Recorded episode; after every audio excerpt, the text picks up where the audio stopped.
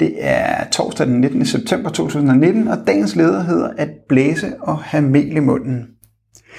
Danmark skal kunne mærke, at vi har fået en socialdemokratisk finansminister. Det var budskabet fra Nikolaj Vammen i denne uge i en kronik i Information, hvor han skuer tilbage på de sidste 10 års økonomiske politik og påpeger, at der er blevet truffet eklatant forkerte politiske valg. Man overlod regningen for finanskrisen til dem med de hårdeste job og dem, der sad yderst på arbejdsmarkedet. Efterlønnen blev reelt afskaffet, dagpengeperioden halveret, skriver Nikolaj Vammen. Det er jo så rigtigt, som det er skrevet. Men hvis man så tror, at regeringen nu går i gang med at rette op på disse fejltagelser, tager man fejl.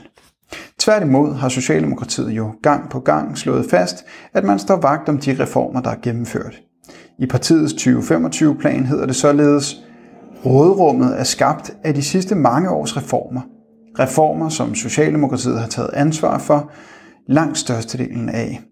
Herunder særligt velfærdsaftalen i 2006, der er den væsentligste årsag til, at der i dag er et økonomisk råderum. Citat slut. Netop velfærdsaftalen er stærkt omdiskuteret. Det er den aftale, som fastlægger den konstant stigende pensionsalder, som er blevet forværret af efterlønsreformen fra 2011. Dele af fagbevægelsen har krævet aftalen opsagt, men det har Socialdemokratiet indtil nu afvist.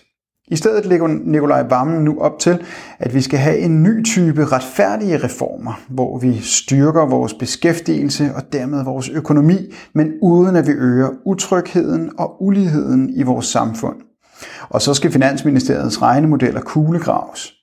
Det er naturligvis positivt i lyset af, at modellerne så ensidigt er baseret på nyliberal borgerlig økonomi. Men nok så mange diskussioner om modeller ændrer ikke ved, at samfundsøkonomi i høj grad også handler om politiske valg. Socialdemokratiet har valgt, at den stigende pensionsalder skal fastholdes, ligesom partiet har valgt, at Danmark skal være med i EU's finanspagt og have en budgetlov, som med hård hånd lægger rammerne for den økonomiske politik.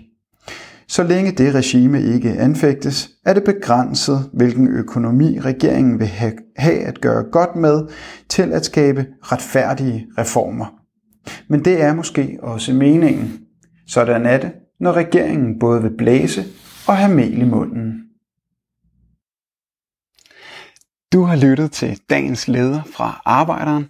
Abonner på vores podcast på iTunes eller hvor du ellers hører din podcast. Du kan også klikke ind på arbejderen.dk for meget mere journalistisk indhold. Du er også velkommen til at følge Arbejderen på Facebook, Instagram eller Twitter, samt tilmelde dig Arbejderens daglige opdatering på Messenger.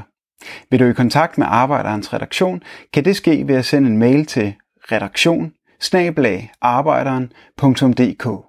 Tak fordi du lyttede med.